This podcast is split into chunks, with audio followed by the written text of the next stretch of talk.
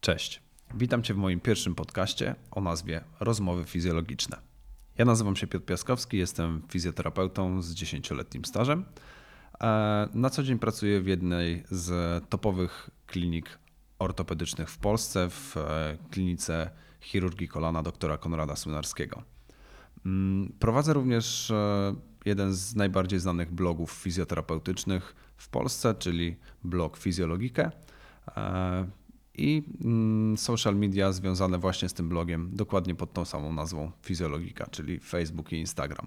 Jeśli będziesz szukać e, informacji o rehabilitacji ortopedycznej, o fizjoterapii ortopedycznej, jesteś czy fizjoterapeutą, czy, czy pacjentem, który poszukuje takich informacji, to oczywiście zapraszam Cię również do śledzenia właśnie bloga i social mediów. Myślę, że bardzo krótko o mnie. E, jeśli będziesz poszukiwać również informacji właśnie e, dotyczących mojej osoby e, czy miejsca, gdzie pracuję, to, to oczywiście zapraszam Cię również właśnie na blog Fizjologika i na Facebook, Instagram. Mm, dzisiaj chciałbym Ci przedstawić temat bardzo ciekawy dla mnie. Myślę, że dla Ciebie też, jeśli odpaliłeś ten podcast.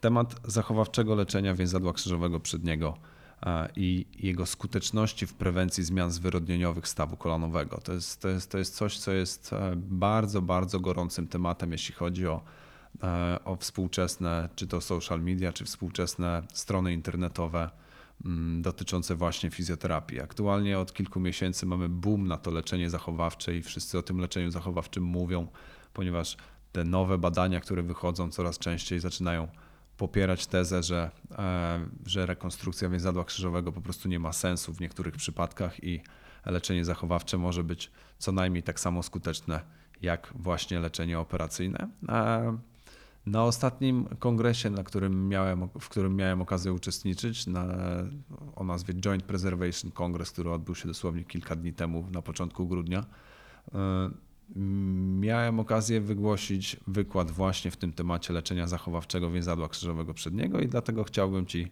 dzisiaj przekazać te informacje, które zawarłem w swojej prezentacji na kongresie. E, był to kongres złożony z naprawdę świetnych, świetnych ortopedów, tak, światowy top, jeśli chodzi o, o prewencję zmian zwyrodnieniowych. E, I swoją prezentację również oparłem właśnie o kierunek leczenia zmian zwyrodnieniowych czy prewencji zmian zwyrodnieniowych. Zadałem takie pytanie, czy konserwatywne leczenie więzadła krzyżowego przedniego to też jest prewencja zmian zwyrodnieniowych, czy nie. E, przechodząc do meritum, mm, mamy tak naprawdę trzy główne możliwości leczenia więzadła, zerwanego więzadła krzyżowego przedniego. Jest to wczesna rekonstrukcja takiego pacjenta, czyli rekonstrukcja e, ACL-a w pierwszych dniach czy tygodniach od, e, od urazu. E, mamy rekonstrukcję odwleczoną, tą zwa, tak zwaną delayed surgical treatment, czyli rekonstrukcję wykonaną po kilku tygodniach, miesiącach lub nawet latach od, od samego urazu więzadła krzyżowego przedniego. I mamy leczenie konserwatywne, czyli leczenie zachowawcze, w którym nie wykonujemy rekonstrukcji e, ACL-a, a prowadzimy pacjenta dobrą jakościowo rehabilitacją i staramy się go mm, doprowadzić do, do jego funkcjonalnego maksimum, może tak, e, tak powiedzmy. Co wiemy z badań naukowych? Wiemy, że jakiejkolwiek byśmy drogi nie wybrali, jeśli chodzi o więzadło krzyżowe przednie, mm, leczenie tego więzadła musi być poparte dobrą jakościowo rehabilitacją. Czy jest to wczesna rekonstrukcja, czy rekonstrukcja odwleczona, czy pełne leczenie zachowawcze, musi być ono oparte o dobrą jakościowo rehabilitację. Możemy mieć najlepszego ortopedę świata, który operuje najlepszymi technikami e, zabiegowymi, ale nadal jeśli po takim zabiegu nie, nie wykonamy dobrze swojej roboty w cudzysłowie, czyli nie e, zrobimy rehabilitacji, nie, nie, prze, nie przejdziemy przez proces rehabilitacji, e, no to tutaj wyniki mogą być mm, dosyć kiepskie, jeśli chodzi o funkcję tego kolana, a już na pewno powrót do aktywności sportowej bez takiej dobrej jakościowo rehabilitacji może być bardzo ryzykowny i może się skończyć po prostu kolejnym uszkodzeniem stawu kolanowego czy zerwaniem już zrekonstruowanego więzadła. Mm, wiemy również z badań naukowych, że to konserwatywne leczenie nie jest takie popularne, jeśli chodzi o, o, o taką, takie dobre jakościowo e, dobre jakościowo badania. Do 2017 roku mieliśmy tylko jedno randomizowane badanie, jeśli chodzi o porównanie rekonstrukcji więzadła krzyżowego przedniego i, mm, i tej high quality rehabilitation, czyli, czyli rehabilitacji e, na, na wysokim poziomie w, w uszkodzeniach ostrych e, ACL-a. Mm, wiemy również, że nie do końca jest konsensus pomiędzy tymi wszystkimi badaniami, które wychodzą, co to znaczy e, szybka rekonstrukcja i rekonstrukcja odwleczona. Część z badaczy, na przykład Megan, e, podaje nam informację, że ta szybka rekonstrukcja to rekonstrukcja do drugiego tygodnia od urazu, ale już biorąc pod uwagę badania Churcha i Kittinga, widzimy, że, że oni przyjęli, mm, że ta wczesna rekonstrukcja to rekonstrukcja w, dwu, w pierwszych 12 miesiącach. Także, także ta, ta, rozbieżność jest gigantyczna i tutaj bardzo ciężko mówić nam, fizjoterapeutom, o tym, co jest szybką rekonstrukcją, a co jest, co jest rekonstrukcją odwleczoną. Mówię o tej rekonstrukcji odwleczonej, ponieważ to też wiąże się z, bardzo ściśle z, z rehabilitacją, tak? ponieważ taka rekonstrukcja odwleczona rozpoczyna się właśnie od tego leczenia zachowawczego, czyli od, od dobrej fizjoterapii, która później, jeśli, e, jeśli ma pełen sukces, no to, to możemy poprowadzić pacjenta dalej zachowawczo, a jeśli, jeśli tego pełnego sukcesu nie ma, no to po prostu pacjent poddaje się zabiegowi w późniejszym czasie od urazu. Mm, mamy kilka bardzo fajnych badań, które potwierdzają nam albo wykluczają niektóre e, to leczenie zachowawcze. Pierwsze badanie właśnie Meigana z rocznym follow-upem, czyli z rocznym śledzeniem wyników. Tutaj pacjenci zostali podzieleni na dwie grupy. Pierwsza grupa miała e, bardzo szybką rekonstrukcję w ciągu dwóch tygodni od e, urazu. Druga grupa była przeznaczona do początkowego leczenia fizjoterapeutycznego, czyli odbycia rehabilitacji i odwleczonej rekonstrukcji po 8-12 tygodniach od urazu. E, no i wyniki tutaj mm, bardzo mocno pokazują, że ta odwleczona rekonstrukcja, czyli rekonstrukcja wykonywania, wykonywana po kilku tygodniach od urazu, a nie po kilku dniach od urazu, ma dużo lepsze wyniki w funkcji pacjenta w pierwszych 12 miesiącach, czyli, czyli ci pacjenci mieli dużo lepszą e, aktywność mięśnia czworogłowego po zabiegu, e, dużo, lep, dużo lepszy, szybszy zakres ruchomości, ale te wyniki tak naprawdę wyrównały się mniej więcej po 12 miesiącach, czyli, czyli początkowy stan pacjenta dużo szybciej poprawiał się w grupie, e, grupie pacjentów z odwleczoną rekonstrukcją więzadła krzyżowego przedniego. E, po tych 12 miesiącach, po 52 tygodniach, e, tutaj również Mm, statystyczne wyniki e, takich funkcjonalnych skal i, i, i, wyniki e, skal aktywności pacjenta również się wyrównały. Także po 12 miesiącach nie było już widać tej różnicy, ale pacjenci, którzy mieli odwleczoną rekonstrukcję na samym początku, dużo szybciej dochodzili po prostu do sprawności. Takie ograniczenia tego badania to oczywiście bardzo krótki ten follow-up, czyli bardzo krótkie śledzenie pacjentów, e, mała grupa badawcza i, i grupa, która składała się e, w większości z mężczyzn. A tutaj wiemy, że kobiety to jest też taka w cudzysłowie specyficzna grupa, jeśli chodzi o więzadło krzyżowe przednie, dużo trudniejsza do leczenia. Mm, kolejne badania, które, które ja znalazłem przygotowując sobie tą prezentację, to badania Frobela z 2013 roku.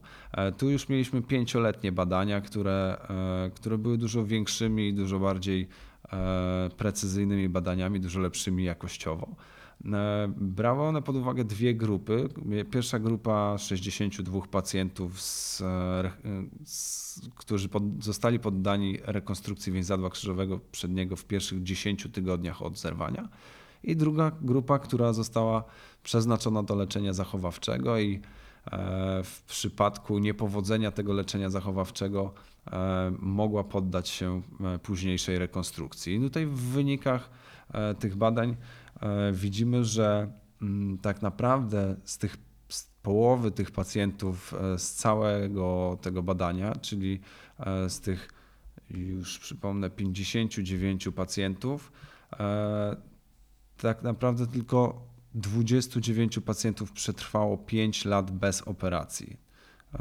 Reszta niestety poddała się operacji i to w większości przypadków, bo to 23 osoby poddały się rekonstrukcji w ciągu pierwszych dwóch lat od rozpoczęcia leczenia zachowawczego, a kolejne 7 w, w ciągu dwóch do pięciu lat E, właśnie tego leczenia zachowawczego.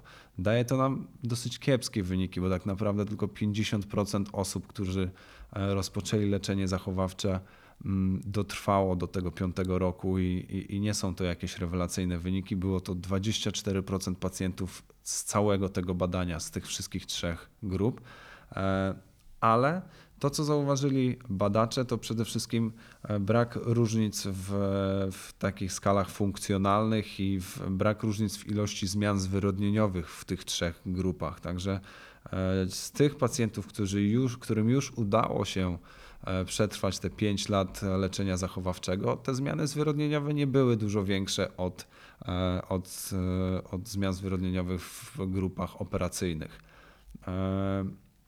No ale tutaj bardzo ważna rzecz, którą podjęli również e, ci, ci, ci badacze i, i, i którzy e, troszkę doprecyzowali te badania, że osoby, które poddały się leczeniu zachowawczemu, miały dużo niższy poziom aktywności fizycznej od osób, które, nie pod, które, które, e, które były leczone operacyjnie. Także tutaj ta ilość zmian zwyrodnieniowych stawu kolanowego mogła również wynikać z tego, że pacjenci po rekonstrukcji więzadła krzyżowego przedniego byli dużo bardziej aktywni, a ci pacjenci bez rekonstrukcji leczeni zachowawczo byli bardziej w cudzysłowie pasywni, czyli mniej używali tego stawu kolonowego, mniej go zużywali i stąd może mniejsze zmiany zwyrodnieniowe.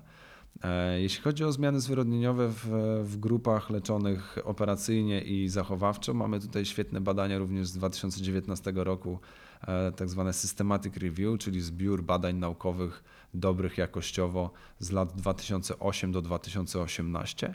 41 badań z, z tym follow-upem, ze śledzeniem ponad 10-letnim, średnio 13-letnim. E, I tutaj mieliśmy ogromną grupę badawczą, bo to było prawie 5000 osób. 4709 osób, które były leczone operacyjnie i 210, niestety tylko 4% z tych, e, z tych, tych pacjentów leczonych zachowawczo. Jeśli weźmiemy sobie obie te e, grupy pod uwagę, e, no to tutaj sześć badań z tego całego Systematic Review opisywało zmiany zwyrodnieniowe i, i nie widzimy tutaj statystycznych różnic pomiędzy grupy, grupami E, czy pomiędzy grupą leczoną operacyjnie i zachowawczo. Te, te statystyczne wyniki są bardzo podobne, jeśli chodzi o zmiany zwyrodnieniowe w tym, w tym follow-upie ponad 10-letnim.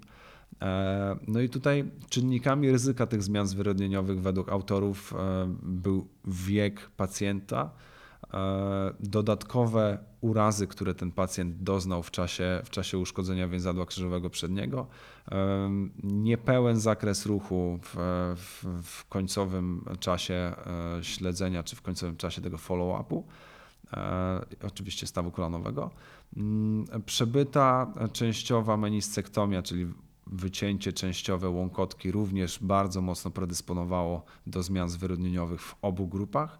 E, i przebyty wcześniejszy uraz e, chrząstki stawowej. Także to, to były czynniki, które według, według autorów miały największe znaczenie, jeśli chodzi o, o zmiany zwyrodnieniowe w obu grupach leczonych i zachowawczo, i operacyjnie. Co więcej, bardzo, bardzo ciekawa informacja, która mnie e, kompletnie zaskoczyła, powiem szczerze, że zmiany zwyrodnieniowe pojawiały się nie tylko w nodze E, która uległa urazowi, która uległa zerwaniu więzadła krzyżowego przedniego, ale statystycznie istotnie wyższa e, ilość zmian zwyrodnieniowych pojawiała się również w przeciwnej nodze u tych pacjentów, którzy ulegli urazowi więzadła krzyżowego przedniego. Tutaj nawet do prawie 40% z tych pacjentów miało mm, większe zmiany zwyrodnieniowe mm, przeciwnej nogi niż normalnie w, wieku, w którym ci pacjenci byli. Także moje pytanie e, tutaj to było, czy e, dobra jakościowo rehabilitacja może zapobiec takim zmianom w, w przynajmniej w nodze przeciwnej i myślę, że, że tak, że jeśli pacjenci ci byliby poddawani bardzo dobrej rehabilitacji, która byłaby ukierunkowana nie tylko na, na staw kolanowy po urazie, a, a na globalną pracę nad całym ciałem i całym organizmem pacjenta, no to tutaj te zmiany mogłyby być mniejsze. Mm, w takim razie, jeśli wiemy, że zmiany zwyrodnieniowe są podobne w obu grupach, e, to może pytaniem nie powinno być, czy w ogóle powinniśmy leczyć pacjentów zachowawczo, tylko kogo powinniśmy leczyć, którzy pacjenci, który profil pacjenta nadaje się do tego leczenia zachowawczego, a który nie. E, no i tutaj świetne badania z 2018 roku e, Grindema które pokazują nam, że profil pacjenta starszego z niewielką aktywnością fizyczną, bez uszkodzeń łąkotki, bez uszkodzeń chrząstki, e, tych pierwotnych uszkodzeń chrząstki e, i z dobrymi wynikami funkcjonalnymi. E, tu akurat single leg hop test był brany pod uwagę i, i brana, była, brana była pod uwagę również siła mięśniowa mięśnia czworogłowego. Jeśli pacjent miał siłę mięśniową czworo, mięśnia czworogłowego mm, wyrównaną, ta różnica nie była większa niż 20% pomiędzy nogą zdrową a nogą po urazie. I kolano po urazie miało dobry zakres ruchu, E, no to ci pacjenci byli predysponowani do tego, żeby rozpocząć z nimi leczenie zachowawcze i mieli największe szanse na to, żeby to leczenie zachowawcze e, miało dobre wyniki. Tutaj e, powinni być to również pacjenci, którzy nie planują wrócić do sportów tak zwanych klasy pierwszej, czyli sportów z dużą ilością skakania z dużą ilością gwałtownych e, zmian kierunków ruchu, typu narty czy piłka nożna, tych tak zwanych, oni to nazywają high risk impact sport. E, I tutaj o tym trzeba pamiętać, że, że, że ta edukacja pacjenta, e, do jakich sportów, do jakich aktywności może wrócić, jeśli zdecyduje się na leczenie zachowawcze, E, no, no to jest jeden z kluczowych czynników, ponieważ, ponieważ niektórzy pacjenci po prostu, którzy nie wiem, chcą jeździć na nartach, czy chcą grać w piłkę nożną, no po prostu nie nadają się do leczenia zachowawczego. Tak? To są pacjenci, i to pacjenci młodzi. E, są to pacjenci, którzy po prostu powinni poddać się rekonstrukcji, powinni poddać się kilkumiesięcznej rehabilitacji, która doprowadzi do pełnej sprawności e, możliwej i, i wtedy mogą wrócić do takiej aktywności. Mm, co jeszcze? E, co tak naprawdę możemy zrobić, jeśli myślimy o leczeniu zachowawczym? E, tutaj znalazłem jeszcze jedne bardzo fajne badania, w których, e, w których autorzy poddali 100 pacjentów takiemu progresywnnemu pięciotygodniowemu programowi rehabilitacyjnemu, zawierającymi trening siły mięśniowej, plyometrii, balansu i stabilności. I po pięciu tygodniach, bez rekonstrukcji oczywiście, po pięciu tygodniach od urazu, e, zauważyli oni dużo fajniejsze wyniki, jeśli chodzi o taką izokinetyczną siłę mięśnia czworogłowego, czyli, czyli tak naprawdę o, o siłę mięśniową mięśnia czworogłowego i, i dużo lepsze wyniki w e, testach funkcjonalnych oraz e, w testach w ocenie dolegliwości bólowych pacjenta. Czyli wystarczyło już 5 tygodni po urazie, żeby te wyniki pacjenta były statystycznie istotne e, i, i, dużo lepsze tak naprawdę. Więc, więc tutaj znowu jest potwierdzenie, że tak naprawdę to, ta wczesna rekonstrukcja nie do końca ma sens, jeśli nie jesteśmy sportowcami zawodowymi. Oczywiście, jeśli jesteśmy zawodowym piłkarzem, który chce który ma kontrakt i chce wrócić jak najszybciej na boisko i, i wie, że bez rekonstrukcji niestety na to boisko nie wróci, no bo, bo w sportach zawodowych po prostu no, praktycznie nie ma na to szans większych,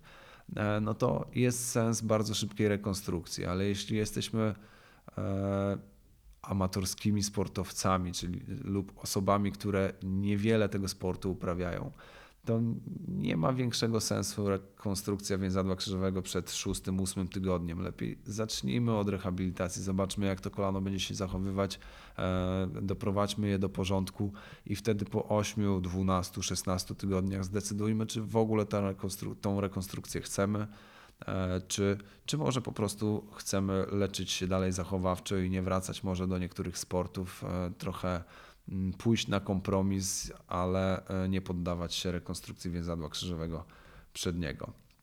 Mm, to tak naprawdę co, e, co co ucieka nam jako fizjoterapeutom, czy, czy, czy nad, nad czym powinniśmy skupić się najbardziej, jeśli chodzi o leczenie zachowawcze pacjentów po urazie więzadła krzyżowego przedniego, no to ta ostatnia faza rehabilitacji, bo z tym mamy tak naprawdę największe problemy. E, no i ja to zauważam nawet przy, no myślę, że już nie, nie, nie takim małym doświadczeniu, no bo 10 latach pracy z bardzo wieloma pacjentami po więzadle krzyżowym przednim, e, po urazie więzadła krzyżowego przedniego, że mm, większość z nas, fizjoterapeutów, po prostu nie jest w stanie, albo nie potrafi, albo nie ma do tego sprzętu, żeby doprowadzić pacjenta do pełnej sprawności przed powrotem do aktywności fizycznej. Ta, ta siła mięśniowa, masa mięśniowa, no, no to jest coś, e, co odbudowuje się bardzo, bardzo trudno. Ta eksplozywność pacjenta, koordynacja, dynamika, którą trzeba odbudować, żeby pacjent mógł wrócić do aktywności fizycznej no, no to, to jest szalenie trudny czynnik, jeśli chodzi o, o, o, pacjentów w naszych gabinetach. No i większość z naszych gabinetów e, i większość z nas po prostu nie ma sprzętu do tego i nie ma e, wystarczającej wiedzy, żeby pacjenta w tej ostatniej fazie po prostu poprowadzić, aż doprowadzić do, do, do pełnej aktywności fizycznej. Mm, I tutaj kluczowe jest według mnie, e, kluczowa jest współpraca po prostu z trenerami przygotowania motorycznego i trenerami personalnymi, trenerami medycznymi, którzy, którzy odpowiadają dokładnie za to, czyli do, odpowiadają dokładnie za ostatnią fazę przygotowania pacjenta przed powrotem do aktywności fizycznej. Mm, ja powiem szczerze, mam, mam po prostu duże szczęście pracy w klinice, która jest w pełni wyposażona dla, pod pacjentów, e, nie tylko kolanowych tak naprawdę, ale w pełni wyposażona pod tym kątem, że można przeprowadzić z pacjentem praktycznie każdy trening, jaki sobie e, człowiek wymyśli. Mm, ale absolutnie nie podjąłbym się e, tego, żeby powiedzieć, że jestem w 100% pewny, że mój trening, który ja przeprowadzam z pacjentem, e, doprowadza go do, do pełnej sprawności przed powrotem do aktywności fizycznej. I po prostu e, Współpracuję również z trenerem medycznym, dokładnie z Piotrkiem Ciebierą, którego bardzo szanuję i, i który, który według mnie robi gigantyczną robotę, jeśli chodzi o pacjentów nie tylko kolanowych i tą właśnie ostatnią fazę, bo zna się na tym dużo, dużo lepiej niż my fizjoterapeuci. E, I to nie tylko Piotrek Ciebiera, bo jest, jest, jest tych trenerów e, przygotowania motorycznego e, wielu, którzy, którzy po prostu świetnie to robią i, i, i którym powinniśmy po prostu oddawać tych pacjentów w ostatniej fazie, żeby to oni ocenili pod swoim kątem i to oni poprowadzili ich do końca profesjonalnie. Ucieka nam też trochę, e, uciekają nam trochę ćwiczenia e, te specyficzne dla danej aktywności. To jest też bardzo ważne. Jeśli pracujemy z pacjentem, który ma wrócić do aktywności sportowej, czy to jest leczenie zachowawcze, czy to jest leczenie operacyjne, to musimy wiedzieć przede wszystkim, do czego ten pacjent chce wrócić i dostosować trochę swoją rehabilitację i swoje ćwiczenia właśnie pod kątem e, aktywności, którą pacjent chce dalej uprawiać. E, dla mnie również gigantycznym problemem jest motywacja pacjenta e, do takiej długoterminowej rehabilitacji. Wiemy, że leczenie zachowawcze wiąże się z tym, że, że ta rehabilitacja nie kończy się po, po 6 miesiącach, po 9 miesiącach czy po roku. Mm, tylko ta rehabilitacja trwa już tak naprawdę do końca życia, tak? I trzeba uzmysłowić to pacjentowi, że jeśli nie jest gotowy na to, żeby utrzymywać stale dany poziom aktywności fizycznej, dany poziom przygotowania do aktywności e, i, i nie chce pracować regularnie nad tym swoim kolanem czy nad całym ciałem tak naprawdę, no to, to nie do końca nadaje się do leczenia zachowawczego, tak? bo dojdzie do takiego momentu, że ten pacjent będzie w świetnej formie, wróci do tej aktywności, ale jeśli nie będzie uzupełniał tego treningu o dodatkowy trening prewencyjny, to niestety to leczenie zachowawcze pewnie E, zakończy się prędzej czy później po prostu na stole operacyjnym i musi sobie pacjent z, tym, z tego zdawać sprawę, jeśli chce uprawiać aktywność fizyczną bez więzadła krzyżowego przedniego. Oczywiście jako fizjoterapeuci mamy trochę testów funkcjonalnych, które możemy wykorzystać. E, mam tutaj przed sobą całą listę tych testów. E, E, potwierdzonych w badaniach naukowych typu single leg squat, side hop test, single leg hop test, czy nie wiem, triple hop test. No, tych, tych testów funkcjonalnych jest multum, naprawdę masa. E, no i możemy oczywiście je wykorzystać sobie do oceny pacjenta który, który pyta nas, czy, czy w ogóle jest, jest w grupie, która nadawałaby się do leczenia zachowawczego. Jeśli w takich testach funkcjonalnych ten pacjent wypada nieźle, to, to można, można przemyśleć to leczenie zachowawcze. Pamiętajmy jednak, że nie testujemy w tych testach tylko i wyłącznie tego Limb Symmetry Index, czyli, czyli tego e, porównania pomiędzy nogą e, oper, no, nieoperowaną, bo to leczenie zachowawcze, nogą po urazie i nogą zdrową. No I ten Limb Symmetry Index powinien być większy niż 90%, czyli, czyli ta różnica nie powinna przekraczać 10% we wszystkich tych testach, czy to jest siła mięśniowa, czy to koordynacja, dynamika, czy cokolwiek innego. Ale pamiętajmy, żeby E, oceniać sobie również symetrię wzorców ruchowych e, kończyn, czyli e, nie patrzymy tylko i nie, nie szukamy tutaj idealnego wzorca ruchowego, no bo dla każdego pacjenta ten wzorzec ruchowy jest troszkę inny, ale szukamy tu absolutnie symetrii w tym wszystkim. Mm, czy to jest symetria obciążenia, czy to jest symetria lądowania podczas skoku, czy to jest symetria samego wyskoku, czy, czy widać, że ten pacjent skacze w cudzysłowie twardo na tej nodze, którą miał po urazie? E, czy, czy miękko amortyzuje, czy, czy jest to podobne do, do, mm, do takiego wzorca ruchowego, który ma w zdrowej nodze, czy nie. No i pamiętajmy, żeby oceniać tutaj również jakość, a nie tylko ilość w tych, e, w tych testach. Czyli jeśli mamy, nie wiem, single leg hop test, no i w którym badamy sobie długość skoku pacjenta, to oprócz długości sprawdźmy również jakość tego skoku. Mm, mamy dodatkowe mm, takie skale, które możemy sobie wykorzystać e, i to są skale, skale bardziej psychologiczne. E, tutaj dobry przykład Tampa Scale of Kinesiofobia, gdzie oceniamy sobie pacjenta e, pod względem psychologicznym, czy w ogóle jest przygotowany tak e, mentalnie do tego, żeby do aktywności fizycznej wrócić. I to nie są skale tylko i wyłącznie dla pacjentów po rekonstrukcji więzadła krzyżowego przedniego, ale również dla pacjentów, którzy są leczeni zachowawczo, a chcą wrócić do aktywności fizycznej, które mogą pokazać nam, czy czy pacjent e, boi się wrócić do tej aktywności, czy, czy odczuwa jakąś obawę, czy nie odczuwa. No bo takie obawy niestety są, są bardzo niekorzystnie działają na pacjenta, jeśli chodzi o powrót i, i predysponują do kolejnych urazów stawu kolanowego i innych stawów okolicznych. Więc e, pacjent, który się boi, po prostu nie powinien wracać do aktywności fizycznej, powinien się dalej rehabilitować, powinien podjąć e, ewentualnie, jeśli nadal się boi, podjąć kroki może o jednak leczeniu operacyjnym, skoro skoro po leczeniu zachowawczym, który, w którym widać, że fizycznie jest przygotowany, mentalnie dalej się boi, to tutaj albo praca z psychologiem, albo po prostu podjęcie decyzji o zabiegu operacyjnym. E, mamy również treningi takie prewencyjne dla tych pacjentów leczonych zachowawczo. Tutaj jeśli chodzi o rozgrzewkę, to na przykład FIFA 11 plus super, super możliwość e, takiej prewencji urazów stawu kolanowego. E, może na tą FIFA 11 Plus e, znam przypadki modyfikacji do innych sportów po prostu, nie tylko do piłki nożnej.